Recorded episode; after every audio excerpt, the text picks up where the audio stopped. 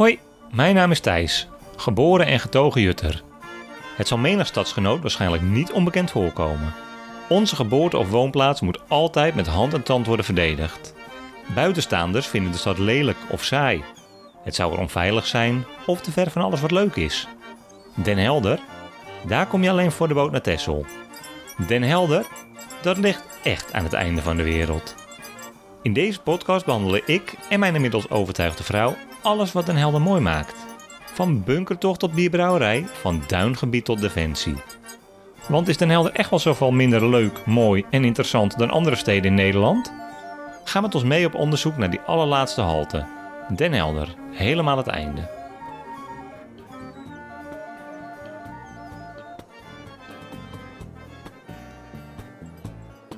De stelling van Den Helder was en is van groot belang voor de stad. Voor mijn stad.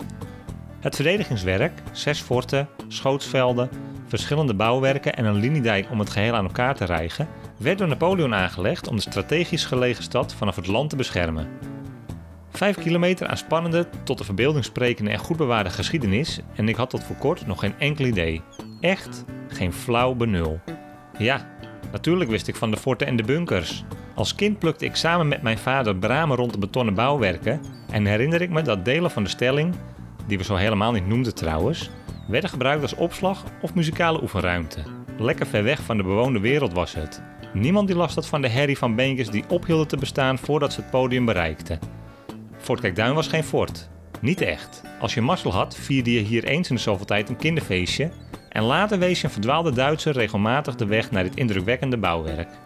Maar de stelling waarderen om haar betekenis? Nee, daarvoor was het te veel onderdeel van mijn dagelijks bestaan. Ook vandaag de dag is de stelling gek genoeg nog een van de best bewaarde geheimen van Den Helder. Gek eigenlijk, want je kunt je helemaal bij de kladden laten grijpen door het bijzondere verdedigingswerk. In deze aflevering gaan we op zoek naar de verhalen die zich verschuilen in de vele bunkers en bouwwerken van de stelling. Wat was de stelling en wat is het geworden? We duiken de geschiedenis in, bespreken de verschillende manieren om het fort te ervaren, we beschouwen heden en verleden op iconisch Willemsoord en we gaan op bezoek bij een wel heel bijzondere invulling van een van de forten. We beginnen onze zoektocht bij het fort dat als eerste op waarde leek te worden geschat. Fort Kijkduin. Een museum, een aquarium, maar toch vooral een fort vol verhalen en letterlijk een van de hoogtepunten van Den Helder. We spreken weer met Manouk, de koningin van Fort Kijkduin. Je hoort daar ook al even voorbij komen in de vorige aflevering. Voordat we vuistdiep de geschiedenis van de stelling induiken, vraag ik haar wat de stelling voor haar betekende als opgroeiende jutter. Kleine disclaimer: do not try this at your local bunkertje. De enige betekenis die, ja, vooral voor jeugd, en dat is eigenlijk als je hier bent opgegroeid, dan heb je lopen ravotten in een bunker. Ja, dat is, dat is wat een bunker voor je betekent als je jong bent. Ik bedoel, uh, je bent niet echt jong geweest als je nooit een bunkertje in de fik hebt gestoken. nee, dat mag ik helemaal niet zeggen. Bunkers om te ravotten dus. Ik heb er hele goede herinneringen aan. Het maakt me nieuwsgierig naar de geschiedenis van de stelling. Manouk geeft ons een ouderwets lesje vaderlandse geschiedenis. Uh, het begon eigenlijk in 1799 toen de Engelse Bruut Den Helder binnenvielen via grote keten. En de Fransen hadden op dat moment het een beetje voor het zeggen aan de West-Europese kant. En die waren natuurlijk tegen de Engelsen. En uiteindelijk toen de Fransen Den Helder, nou Den Helder, heel, heel het hele land uh, bezetten, uh, moest dat land beschermd worden, deze uitstekende Franse provincie, wat wij uiteindelijk werden. Dat moest beschermd worden tegen de Engelsen. Dat er dus hier een, een fort moest komen dat zowel het achterland verdedigde en uh, de zee en het dorp Huisduinen. En dat was dan het eerste fort wat, wat aangelegd werd. En dan kwamen nog meer Franse ideeën bij, dus zoals Fort Erfprins en Fort Dirks Admiraal. En die moesten verbonden worden door een liniedijk. En dat was het Franse idee al. En dat heeft de Nederlandse waterbouwkundig ingenieur uh, Jan Blanke. Die heeft dat allemaal uh, voor zijn rekening genomen. En nadat die Fransen dus weg waren, dachten de ja, nieuwe Nederlandse regering van... Ja, dat was toch eigenlijk wel een heel goed idee van die Fransen. Dus die zijn uh, daarmee verder gegaan. En zo is de stelling dus uiteindelijk echt afgemaakt. Dat was dan in 1825. Uh, toen is de stelling een daadwerkelijke stelling geworden, omdat alle forten met elkaar verbonden zijn door een liniedijk. De waardevolle historie van de stelling en de betekenis die eraan ontleend kan worden, die is nog maar sinds kort gemeengoed. En niet alleen voor mij, heb ik het idee. Ik ken de bouwwerken van de stelling alleen ondergesneeuwd, verborgen of besmeurd met graffiti. Hoe kan dat? Waarom heeft Den Helder nooit iets gedaan met zo'n bijzonder verdedigingswerk? Uh, ik denk vooral uh, door nalatigheid. Uh, dat erfgoed, dat, dat lag hier altijd al. En helemaal na de Tweede Wereldoorlog was dat echt geen erfgoed dat, waarvan mensen dachten, dat wil ik houden. dus dat lag daar te verstoffen. En pas later, vooral de jaren negentig, toen, toen er iemand op het idee kwam van we moeten Fortkijk Duin slopen, want we moeten daar wat anders mee maken. Pas toen stonden de mensen op van nee, ho eens even, dat is geschiedenis, dat moeten we behouden en dat is uniek en daar kunnen we over vertellen en dat moeten we juist in, in ere gaan herstellen. En vanaf dat moment is eigenlijk pas uh, de stelling een beetje, uh, ja, dat balletje gaan rollen. En nu? Wordt de stelling eindelijk op waarde geschat? Ik, ik merk dat uh, steeds meer instanties, uh, waaronder bijvoorbeeld de gemeente, steeds beter gaan inzien dat die stelling uh, een pareltje is. Dat het uniek is en dat het ons ook uniek maakt. Je hebt natuurlijk meerdere stellingen, zoals de stelling van Amsterdam. Maar toen lag die van ons er al 80 jaar. Dus die van ons wel een stuk ouder. goed bewaard gebleven ook. Bijvoorbeeld Fort Harsens. Dat is echt, echt nog helemaal rond 1890 die stijl. Wat dat dan nu betekent, is dat je je dus kunt onderscheiden op de markt. En anders kunt zijn dan alles in de regio. Want wij hebben echt wel een hele mooie stelling. En het hele landschap is daar ook op, op uh, ingespeeld. Je ziet ook de bebouwing die ja, voornamelijk binnen de linie altijd plaatsvond. Je ziet om de forten heen, uh, daar moest vroeger vrij, vrij schootsveld uh, blijven. Dus geen bebouwing, geen bomen. Dat zie je op heel veel plekken nu nog. Waardoor je dus hele mooie natuurgebieden hebt. Zoals kijk naar Kwelde Duin. Ook al is dat een aangelegd park. Maar het is wel een aangelegd park in het schootsveld van Fort Dirks Admiraal. En dat, dat zie je rondom al die forten. En dat maakt ook dat zo'n fort uh, dat het uniek is om daar omheen te wandelen. Omdat er zoveel mooie, mooie, ook mooie natuur, mooie dieren rondom voortkomen. Wandelen dus. Nou, dan heb je ons. Maar de stelling die is op meer manieren te beleven. Ja, je hebt meerdere routes. Uh, bijvoorbeeld de Helderse Duinen, die uh, onlangs door de NS is uitgeroepen. Dus daar waren we heel trots op natuurlijk.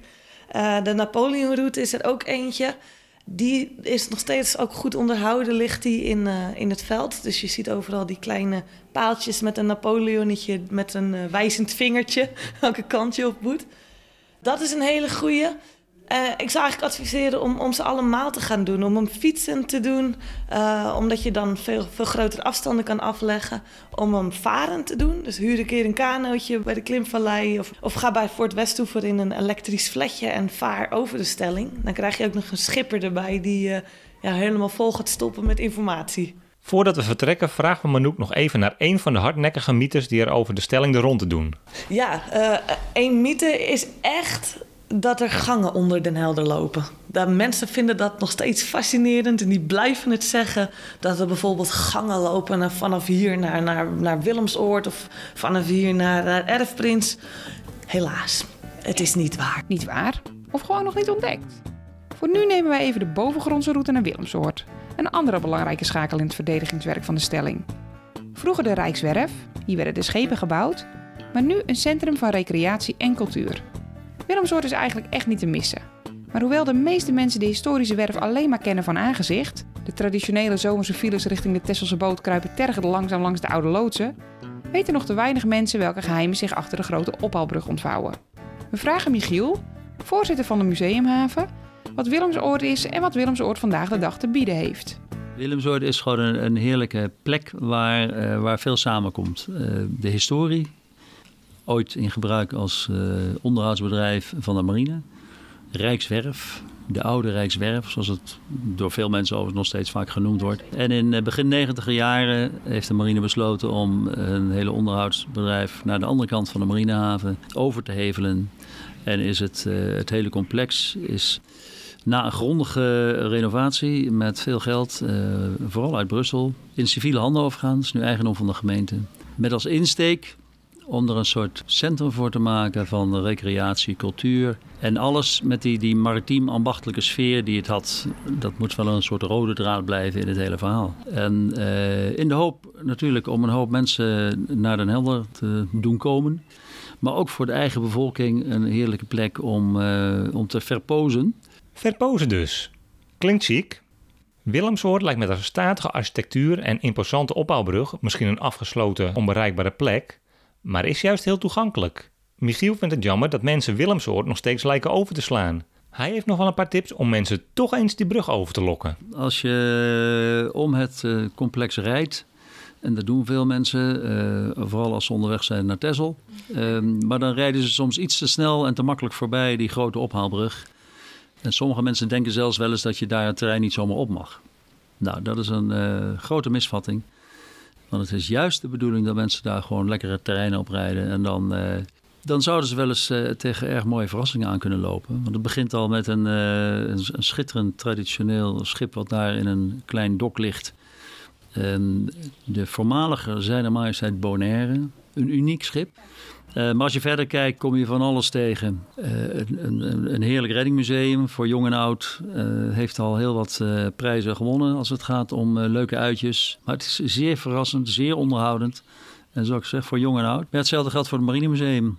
Daar ligt zelfs een complete onderzeeboot op het droge waar je binnen kan. Waar je zelfs nog mensen hebt die daar, die daar zelf op gevaren hebben ooit. En die echt kunnen vertellen hoe het was, het leven aan boord van zo'n onderzeeboot. Naast musea, al dan niet gevulde scheepsdokken en een onderzeeboot is er op Willemsoord nog veel meer te zien en te beleven. Het plan om van Willemsoord het bruisende stadshart te maken waarin Den Helder al zo lang naar verlangd wordt, krijgt hier steeds meer vorm. Verschillende restaurants hebben een plek gevonden in de oude werkplaatsen, er worden grote en kleine evenementen georganiseerd en er is een bioscoop. Maar er is ook muziek op bijvoorbeeld het Sluisdeurpodium, theater op het plein en in de Schouwburg natuurlijk. Je kunt borrelen tot je erbij neervalt bij een van de vele cafés en daarna zelfs slapen in de jachthaven of op de camperplaats. Allemaal heerlijk, maar Michiels ogen beginnen toch weer te glimmen als hij mag vertellen over een oud ambacht dat in de museumhaven nog beoefend en geleerd kan worden. Um, iets anders wat, uh, wat sinds een paar jaar uh, uh, echt zeer de moeite waard is om te zien. Dat is onze scheepstimmerwerf. Je gaat er naar binnen, je, je ruikt de geur, je ziet hoe daar aan allerlei oude houten schepen gewerkt wordt. Waar nog uh, hout met, uh, met een vuurtje eronder uh, gebogen wordt, zoals dat vroeger gebeurde. Echt het goede maritieme ambacht wordt daar volop beleefd. Die opdracht hebben we overigens ook gekregen van de gemeente. En niet alleen om de, de haven aan te kleden met mooie oude schepen, maar ook om te zorgen dat er gewerkt kan worden en dat je die maritieme ambachten nog, nog een beetje zichtbaar kan houden voor het publiek. En bij voorkeur ook nog mensen daar een beetje in kan scholen. Want ook die mogelijkheden zijn er. Um, dus alleen dat is al een feest uh, om te zien. Maar ja, als je, als je kinderen naar de ballenbak moeten of zo, dan kan dat ook hoor. Want die is er ook op Willemsoord. Oh ja, en een ballenbak is er dus ook. Goed, ook nu vindt er dus nog scholing plaats op Willemsoord. Maar Michiel vertelt ons ook over een verborgen plekje waaruit blijkt dat hier ooit de grootste werkgever van Den Helder zat. Een, een bijzonderheidje wat wel uh, heel bekend is, dat is in het uh, beroemde gebouw 66. Wat ik persoonlijk een van de allermooiste gebouwen vind. Um, daar hebben ze zogenaamde houten standvinken. Dat zijn een soort steunpilaren waar het hele houten dak op, of het hele dak op rust. En uh, het was een traditie dat iedereen van de Rijkswerf die daar werkte, zijn naam daarboven ergens in uh, had, had gekerfd of gebrand of uh, hoe dan ook. En die staan er nog steeds, al die namen. En je ziet dus af en toe nog wel eens een opa met kleinkind aan de hand... zie je dat gebouw binnengaan, ook als er evenement of zo. En dan zie je, kijk daar, daar, daar, opa heeft hier gewerkt. En daar kan je zien, daar heb ik mijn naam geschreven. Dat er in de bouwwerken van de stelling niet alleen plaats is voor het verleden, maar ook voor de toekomst, bewijst de stoere stadsbrouwerij van Dave Compagnons. In 2014 vatten zij het plan op om in een van de bunkers van de stelling een bierimperium op te bouwen. De Helderse Jongens. Dave is ondernemer in hart en nieren, maar ging al eens eerder flink op zijn bek. Als Dave zijn Helderse vrienden vertelt over zijn wilde plannen, wordt dat in eerste instantie niet altijd met evenveel enthousiasme onthaald. Ja, het mooiste was dat mensen meteen zeiden van... Ja, maar Dave, dit gaat toch ook niet lukken? Ik zeg, dit gaat juist lukken. Ik zeg, want dit heeft zo'n zo'n underground sfeertje en mensen willen hier per se naartoe. Eigenlijk lig je uh, nergens op de route. Uh, ja, op de route naar Texel. Of het is een onontdekt pareltje. En het grappige is, daar moet je wat moeite voor doen. Als je de moeite gedaan hebt om hier naartoe te lopen, word je beland. Dus die beleving begint al op de parkeerplaats. En dat is uh, iets wat heel veel bedrijven niet hebben. Dus zie je volgevel, je stapt naar binnen, klaar. Dat is je, je customer journey, zeg maar. En hier begin je eigenlijk al met genieten van, van, wow, het zit aan het water. En je ziet het terras en uh, uh, de contouren van het pand. En een bijzonder pand is het zeker. Voor de Westoever werd door Napoleon gebouwd om de entree van Den Helder via het Noord-Hollands kanaal te bewaken, maar verwelkomt inmiddels vooral dorstige bierliefhebbers. Het plan voor een stadsbrouwerij ontstond echter niet hier, maar begon als een uit de hand gelopen grap van een stel hobbybrouwers. Typisch Helders. Twee eigenwijze jongens met een grote bek en nog grotere ambities. Dave legt uit hoe zijn illegale moonshine-stokerij met behulp van een crowdfunding uitgroeide tot de eerste stadsbrouwerij van Den Helder. Ik ben met Mitchell gaan bier brouwen. En uh, dat was een uit de hand gelopen hobby. En toen kreeg ik een beetje grote, grote mond. En Mitchell is 15 jaar jonger. En uh, ik heb al de bravoure gehad. Dus wij zeiden van, wij gaan de eerste stadsbrouwerij in Den Helder beginnen.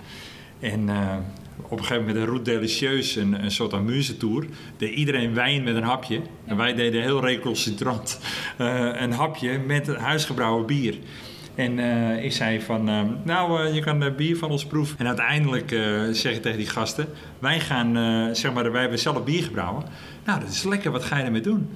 Ja, we gaan de eerste brouwerij in Den Helder beginnen. Zo, we landen zo. Hoe ga je dat betalen dan?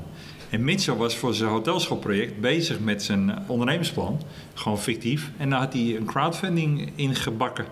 Ik zeg uh, 1 en 1 is 2. En dat kwam zo bij elkaar in mijn hoofd. Ik zeg, we gaan crowdfunden. En echt bijna alle 130 die hadden dag, waar kan ik intekenen? En toen belde ik s'avonds Mitchell, maar onze eerste bier heette Helders Goud. En toen belde ik Mitchell. Ik zeg, Mitchell, we hebben goud in handen. Echt waar, joh. Hij zei, je moet wat minder drinken. Ik zeg, nee, niet het bier. Ik zeg, we hebben goud in handen. Ik zeg, ik heb 130 potentials gesproken. Ik zeg, we moeten gewoon beginnen. Ja, we waren eigenlijk een beetje illegaal aan het brouwen daar. Dus uh, de douane die had de lucht van gekregen dat wij uh, bier maakten. We hadden een keer voor uh, de Pimpeldoer in de binnenstad hadden we een lentebok gebrouwen. En nou, dat was meteen bijna onze ondergang, want dat was zo zuur als de pest. En nooit nageproefd, gewoon in Kikik en helemaal enthousiast en media erbij. En die media had de douane opgepikt. Dus ik had dat tegen Mitchell gezegd. We moeten misschien even kijken of we accijns moeten kunnen gaan betalen. Dan kunnen we ook ons bier bij de plaatselijke slide neerzetten, weet je wel. We hadden best wel wat, uh, wat uh, gebrouwen. Uh, we zeiden iedere keer tegen elkaar, bel jij naar de douane? En Mitchell zei, ja, jij bent 15 jaar ouder. En jij hebt al een beetje met die, weet je, je hebt een eigen zaak. en ik zei tegen Mitchell, ja, maar jij moet het nog leren. Dus we waren een aan pingpongen van wie gaat naar de douane bellen. En uiteindelijk belde de douane zelf bij de achterdeur. Van jongens, wat zijn we aan doen? Ja, we zijn het hobbybrouwen. Nou, mogen we even kijken. Dus ik, doe, ik had toen het bier staan achter twee gordijntjes. En er stond 600 liter bier tot aan het plafond. Hij zei, nou, dit is geen hobbybrouwen. En hij keek naar ons postuur. Nou, Mitchell is nog kleiner dan ik. Dus, uh, en uh, hij zegt, nou, jullie uh, drinken het zelf niet op, zie ik al. En nou, dit, dit heeft niks te maken met, met hobbybrouwen. Dit is gewoon moonshine. De stadsbrouwerij is een beleving. Natuurlijk kun je hier drinken alsof het de laatste dag op aarde is. Maar tijdens een bezoek laveer je ook tussen fort en brouwerij. Tussen heden en verleden. En toekomst. Want Dave's wilde plannen zijn nog lang niet op. We doen uh, elke week rondleidingen op zaterdag en op zondagmiddag door de brouwerij. En als de zalen en de rest vrij is, ook door het, de rest van het fort. En uh, het mooie is dat we nog één zo'n waterkelder hebben in de officiersruimte, wat nu de kleine zaal is. Uh, zit nog een waterkelder onder van 30 kub. En er zit een glasplaat, hebben we erin gemaakt, en licht. En we zijn bezig met allerlei subsidies om te kijken of we een permanent water- en uh, regenwaterfilter achter het fort, een buffer en een filter kunnen krijgen. In de, in de oude gracht, zeg maar. En dan gaan we regenwater afvangen.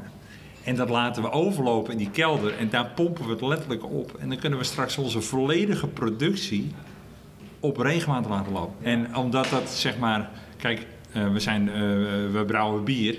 Maar... Um, we, we, doen veel meer als dat. We zijn nu ook bezig met koffielikeur en uh, helder Genever, kopstoot hebben we al gemaakt. En, maar het mooie is, uh, puur alcohol heeft natuurlijk tegenwoordig, hè, we zijn jong en gezond en we, we, denken over dingen na. Dus eh, mensen drinken er bewuster. Dus eh, zeg maar, alcoholvrij is hip en eh, noem maar op.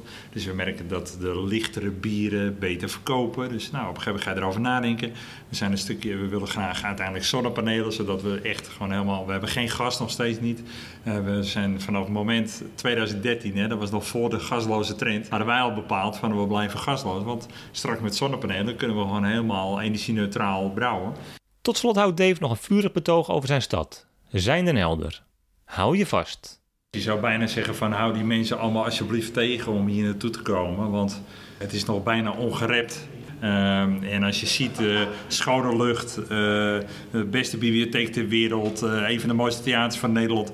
En, en dan hebben we het nog niet over de stelling en wat wij met z'n allen doen. Maar er is hier zo, we hebben veel meer te bieden als Texel. Zeker in slecht weer. Uh, Reddingsmuseum, beste uitje voor kinderen al jaren. Marinemuseum, beste uitje van Noord-Holland. Uh, nou ja, zo kan ik er wel even doorgaan. Uh, en uh, al die dingen beginnen nu langzaam op zijn plek te vallen. Dat heeft ook te maken met een stukje city marketing. Ook te maken met het besef van de mensen zelf. Dus gewoon de inwoners. Je merkt heel erg dat er nu steeds meer uh, identiteit komt. Mensen zijn trots aan evenementen. Uh, er gebeurt ontzettend veel. De, de evenementenkalender die, die peilt normaal uit, zeg maar. Dus ja, ik denk dat Den Helder echt een, een gigantische... Zeker binnen nu in 20 jaar is het een toeristische uh, hotspot waar je, waar je u tegen zegt. Daar proosten we op. Je luisterde naar Den Helder helemaal het einde. Een podcast gemaakt door Van Verhalen in samenwerking met City Marketing Den Helder. Wil je meer weten over Den Helder?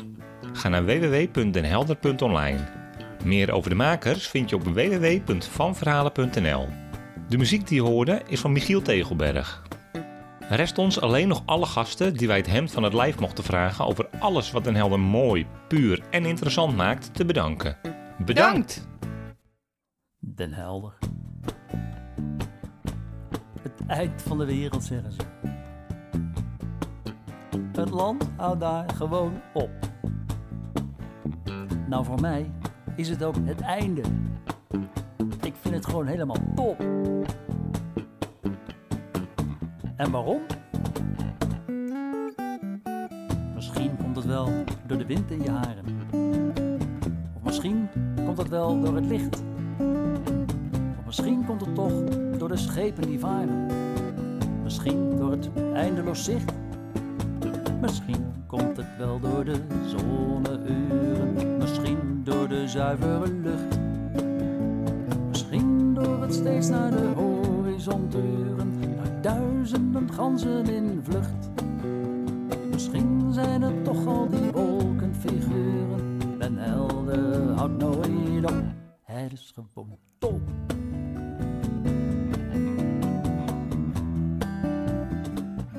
Het is gewoon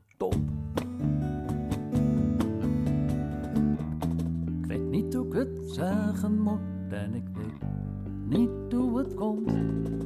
Maar ik ben gek op den helder en ik weet niet waarom.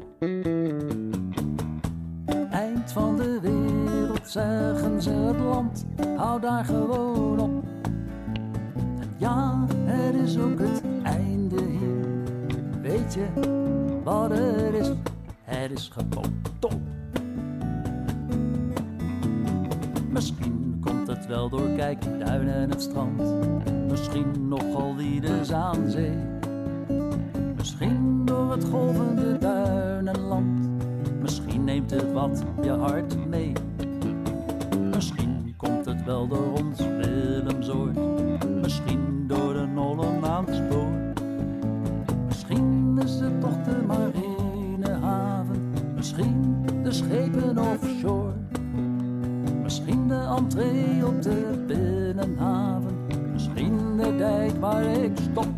Het is gewoon top.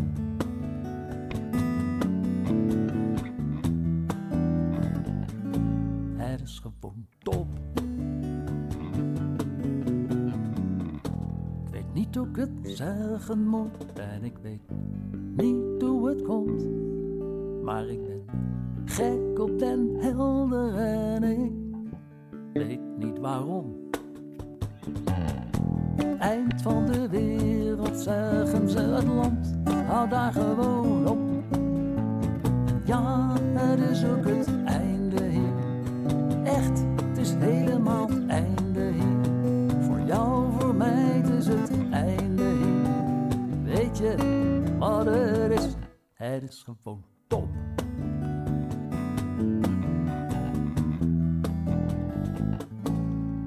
Het is gewoon helemaal